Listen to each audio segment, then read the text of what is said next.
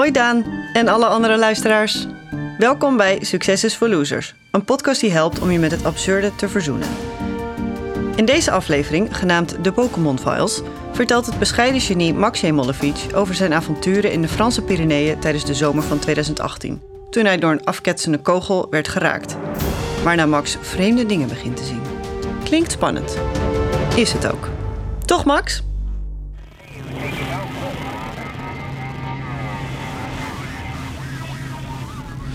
De reis ging naar het einde van het universum.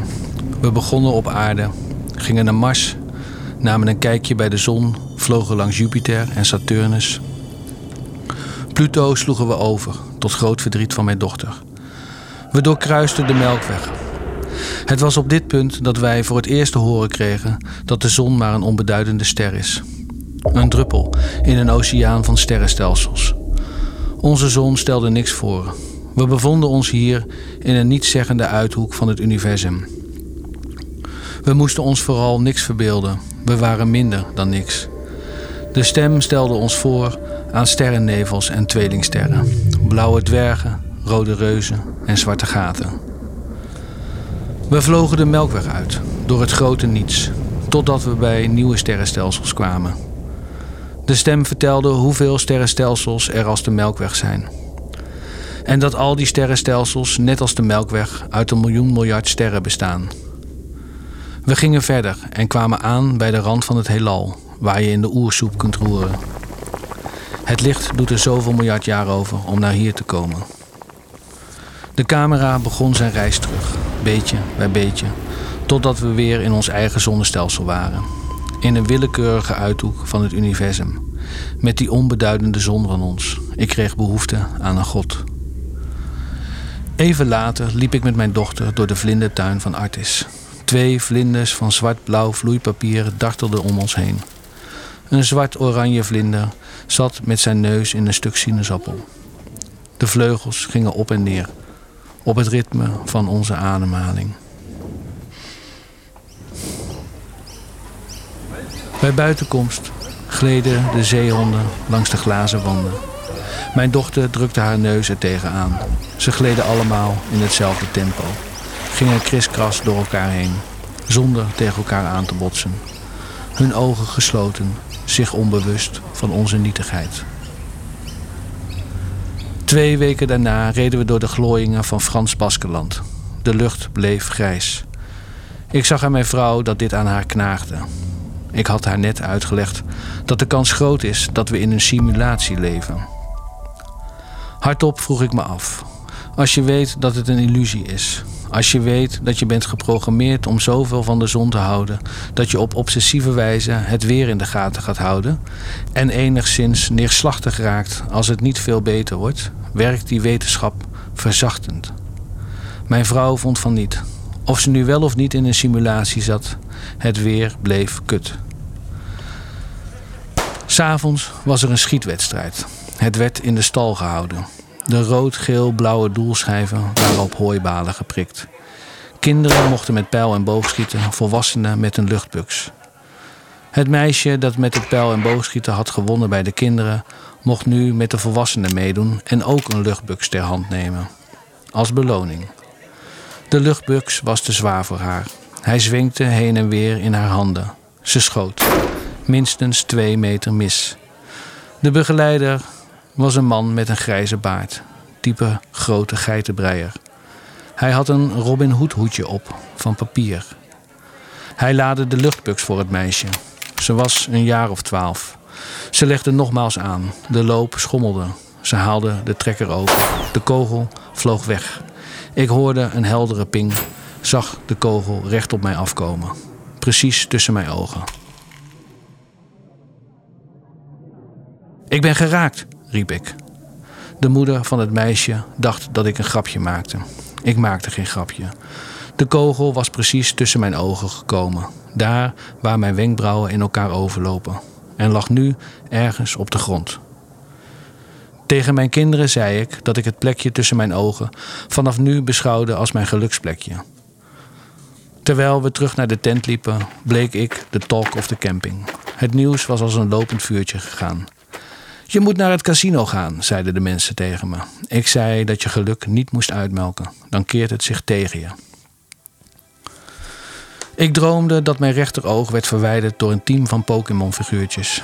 Ik werd wakker met koppijn, maar dat zou ook de schuld kunnen zijn van de fles Baskische cider die ik had gedronken. Het plekje waar de kogel terecht was gekomen voelde aan als een grote puist die onderhuids aan het groeien was, klaar om naar buiten te komen.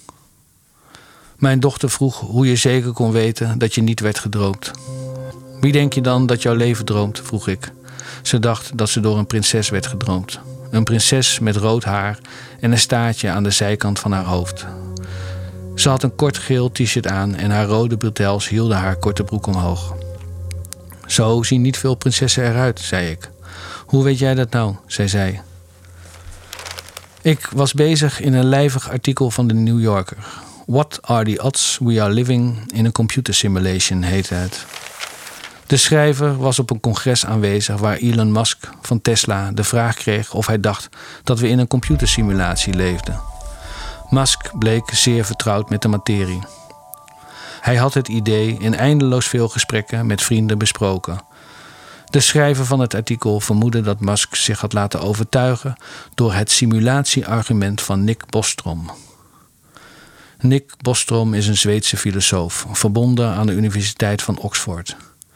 Hij ziet eruit als een kruising tussen Alain de Botton en Jellebrand Korstius. Zijn simulatiehypothese komt erop neer dat de technologische ontwikkelingen zo snel gaan dat het niet lang meer duurt voordat computers sterk genoeg zijn om een mensenleven te simuleren.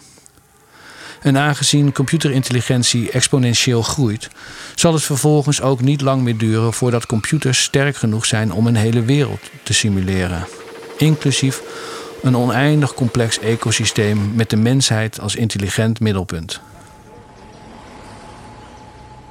En als dat het geval is, dan kunnen we ons afvragen of wij op dit moment niet in een dergelijke simulatie zitten. Want als het in de relatief nabije toekomst mogelijk is om een complete wereld met menselijk bewustzijn te simuleren, dan is de kans dat wij de biologische samenleving zijn die op het punt staat om dat te bereiken, behoorlijk klein.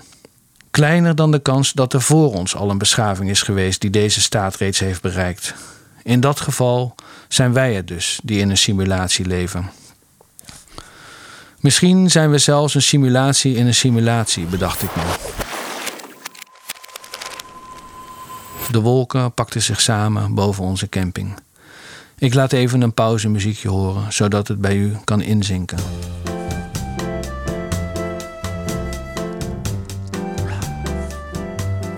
In het campingcafé vertelde de jongen achter de bar aan een ouder echtpaar dat dit de eerste dag sinds tijden was dat er wolken waren en dat de temperatuur onder de 30 graden was gezakt.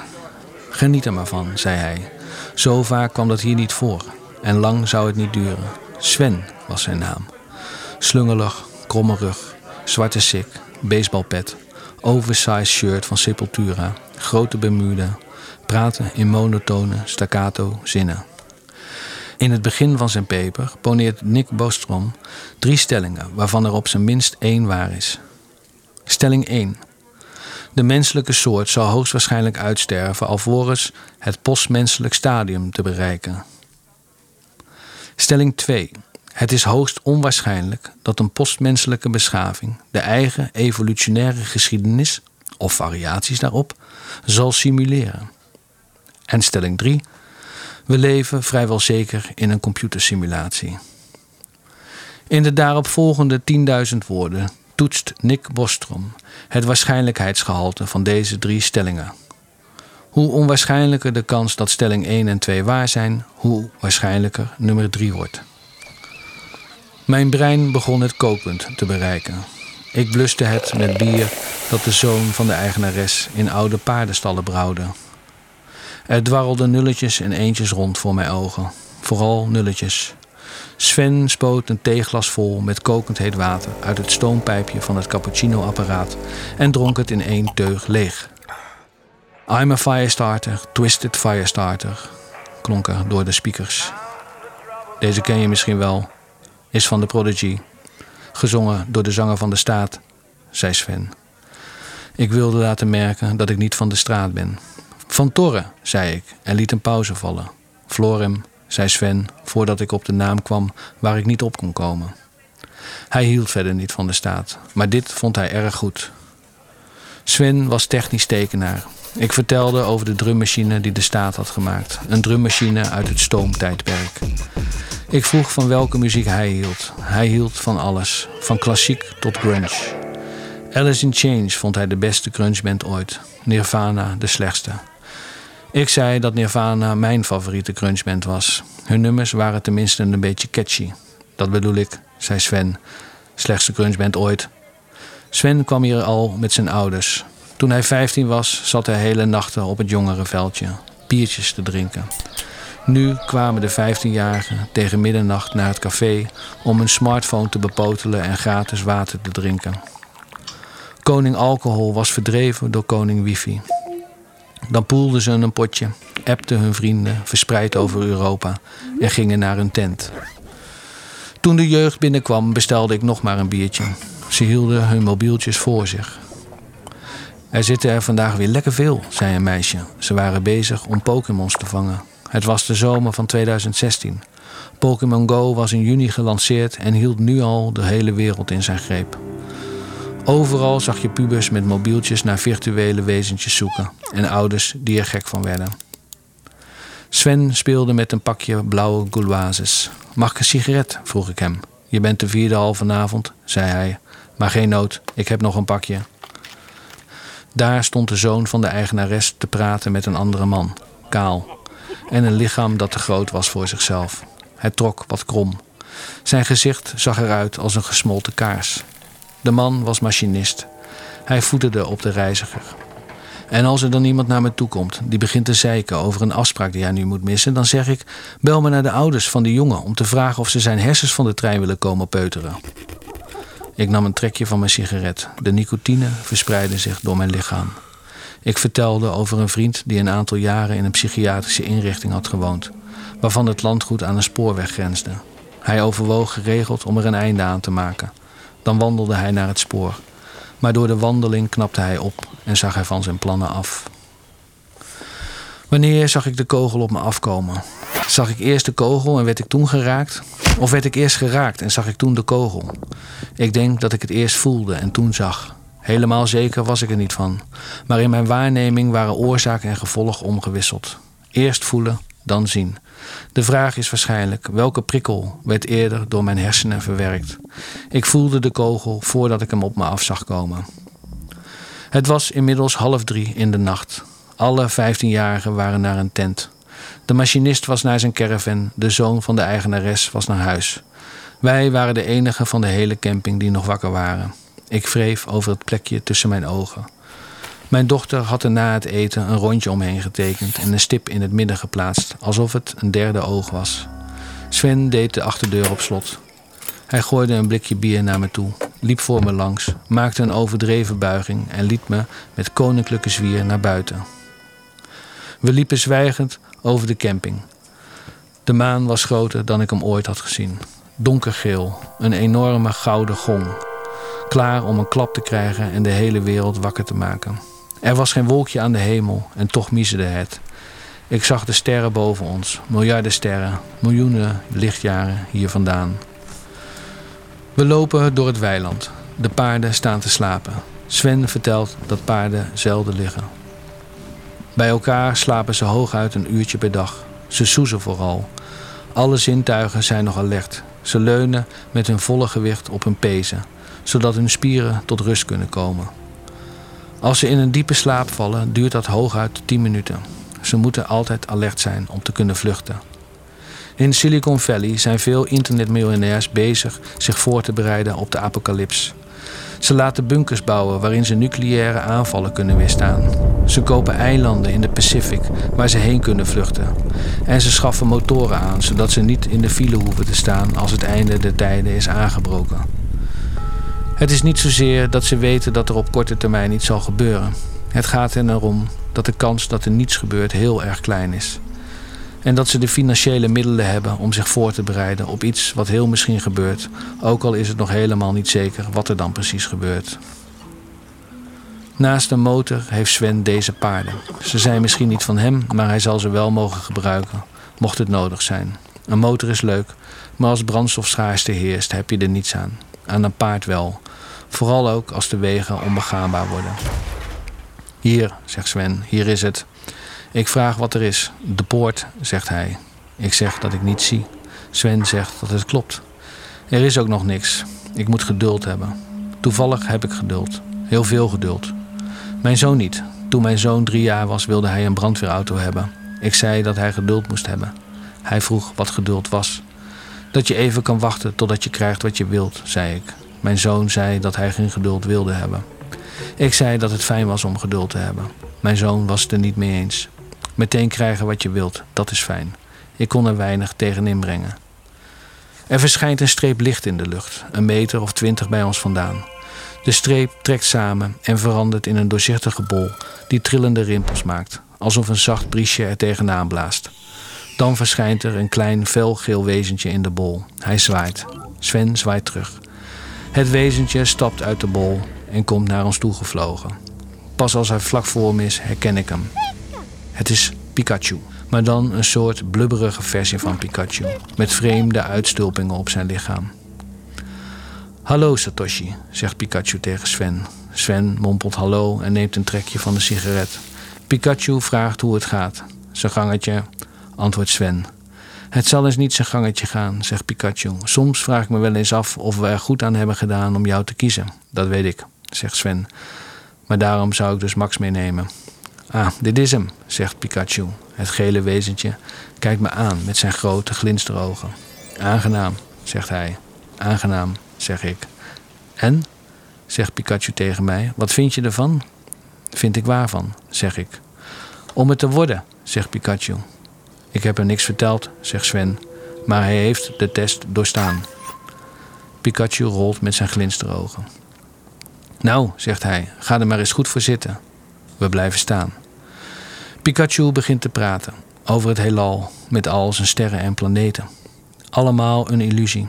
Een paar honderd mensenjaren geleden ontworpen door de Pokémons. Wezens afkomstig uit een andere dimensie waar de technologische mogelijkheden die van ons veruit overtreffen. Ze hadden de aarde en alle wezens erop gecreëerd ter lering en de vermaak. Om er wat van op te steken. Ze kwamen hier graag naartoe. Zoals wij een tv-programma aanzetten, zo begeven zij zich in onze wereld. Ze bleven in hun eigen dimensie, zodat wij, de wezens die de aarde bevolkten, hen niet konden zien. Maar een kleine 30 jaar geleden begon het te kriebelen bij sommige Pokémon. Ze wilden contact maken met het intelligente leven dat ze hadden gecreëerd. En daarom hadden ze begin jaren 90 dit portaal gecreëerd en er doorheen gestuurd. De vraag was hoe de Pokémon konden interacteren met mensen zonder uit hun dimensie te moeten komen. Satoshi ontwikkelde een spel. De Pokémon kregen een iets vriendelijker uiterlijk dan ze in werkelijkheid hebben. Op die manier ontstond er daadwerkelijk interactie met de mensen. Aanvankelijk voornamelijk met kinderen. Via een computerspel konden de kinderen jagen op Pokémon. Dat speelde zich allemaal af binnen de grenzen van het schermpje. Met de komst van augmented reality is de jacht naar een nieuw niveau gestegen. Nu zie je de Pokémon niet meer alleen in een virtuele omgeving, maar juist in de omgeving waar je zelf bent. En waar zij dus ook zijn, maar dan in een andere dimensie. Terwijl u naar mij aan het luisteren bent, zit er hoogstwaarschijnlijk eentje naast u. Als u straks gaat slapen, zweeft er een boven u, te kijken hoe u slaapt. Ze hangen rond op speeltuinen, zitten in liften of liggen in de mand naast uw hond. Nu ze overal te vinden zijn, zijn niet alleen maar kinderen geïnteresseerd. Ineens gaan ook pubers en jongvolwassenen op jacht. Het is een groot succes bij de aardbewoners. Het is ook een groot succes bij de Pokémon. En het succes is zo groot dat er Pokémon zijn die de behoefte krijgen om uit hun dimensie te stappen. Hoe bedoel je? zeg ik. Ze willen door de poort, zegt Pikachu. Zoals ik net door de poort ben gegaan. Zoals Satoshi net door de poort is gegaan. Satoshi is in deze dimensie de enige die de poort kan bedienen. In onze dimensie zijn er meerdere. Pikachu en Sven vermoeden één of meerdere smokkelaars. Pokémon die macht hebben over de poort en andere Pokémon stiekem naar binnen laten. Zij kregen dan hun eigen sleutel mee, zodat ze terug konden wanneer ze wilden. Gevolg was dat er veel te veel sleutels in de omloop waren. Het gevaar was bovendien dat iemand de poort open zou laten, zodat een aardwezen erdoor naar binnen zou gaan. Om kort te gaan, zegt Sven, ik moet terug en de poort moet dicht. Precies, zei Pikachu. En iemand moet de poort achter ons sluiten. En die iemand, zegt Sven, dat ben jij.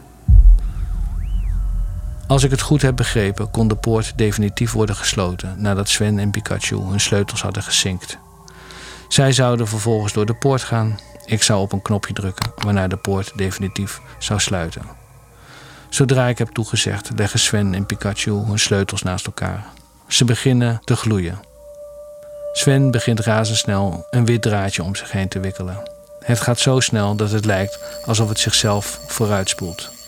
Binnen 15 seconden is er van Sven niet veel anders over dan een witte kokon. De kokon barst vervolgens open. Een dunne blauwe vinger boort zich naar buiten. Daarna nog eens. Twee handen rukken de kokon uiteen. En daar zit ineens een vreemd blauw wezentje voor me. Een soort ongeschubte hagedis met een gele kuif. Time to go, zegt Sven. Het was gezellig, zeg ik. Er verschijnt een twinkeling in zijn ogen. Nadat ze mij de sleutels hebben gegeven, zweven de twee Pokémons gezamenlijk naar de poort en zeilen hun eigen wereld in. Zoals afgesproken druk ik op het aangewezen knopje zodra ik ze niet meer zie. De bol wordt plat, strekt zich uit en krimpt in tot een fel lichtje. Daarna is het zwart. Ik was nog even bang dat men de menselijke resten van Sven zou vinden en dat ik vervolgens beschuldigd zou worden van moord. Maar het gekke was, de mensen van de camping hebben de volgende dagen geen enkele keer laten blijken iemand te missen. Het was alsof Sven niet had bestaan. De dag na de sleuteloverdracht ben ik met mijn kinderen naar het zwembad gegaan. Mijn dochter wil naar de maan gegooid worden. Mijn zoon is ringen aan het opduiken. Ik pak mijn dochter onder haar oksels, tel tot drie en gooi haar naar de maan.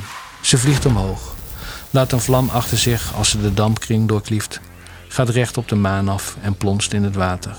Daarna wil ze naar Mars. Ik gooi haar naar Mars. Daarna naar Jupiter. Daarna naar een zwart gat en daarna naar een groen gat. Ik werp haar met alles wat ik in mij heb en ik slinger mezelf mee. We suizen door ons melkwegstelsel, slalommen door sterrennevels, dansen met witte dwergen en rode reuzen, worden opgeslokt door een zwart gat en worden uitgespuwd op een planeet waar alles tegelijkertijd gebeurt.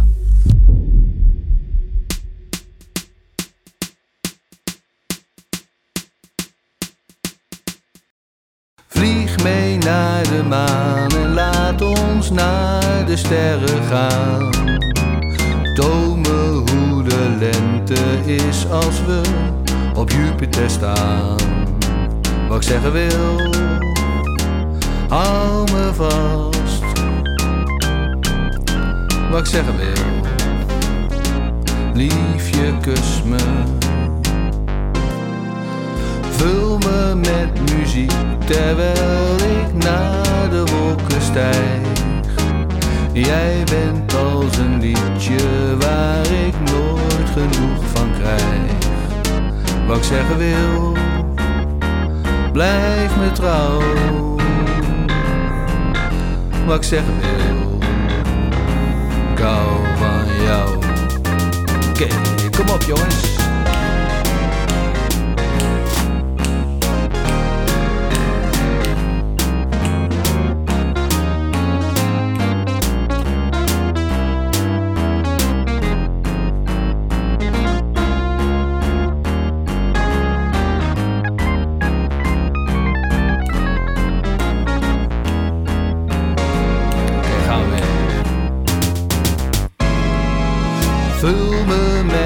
Muziek terwijl ik naar de wolken stijg.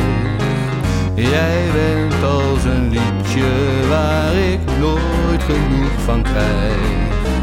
Wat ik zeggen wil, blijf me trouw. Wat ik zeggen wil, wat ik zeggen wil.